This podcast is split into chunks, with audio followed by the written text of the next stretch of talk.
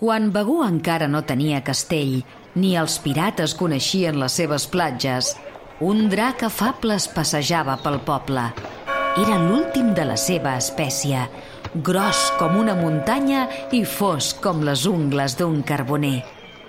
Cada vespre, abans de colgar-se al sol, s'encaminava fins al seu racó favorit i s'ageia a dormir sobre la mar per refredar el seu foc interior.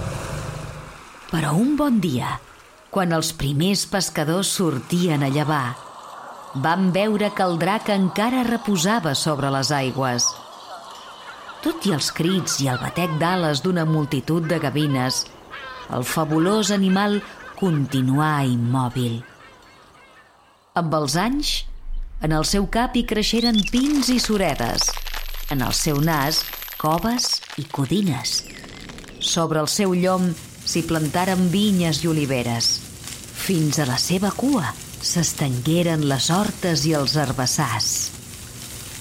I així passaren els dies, les setmanes, les estacions.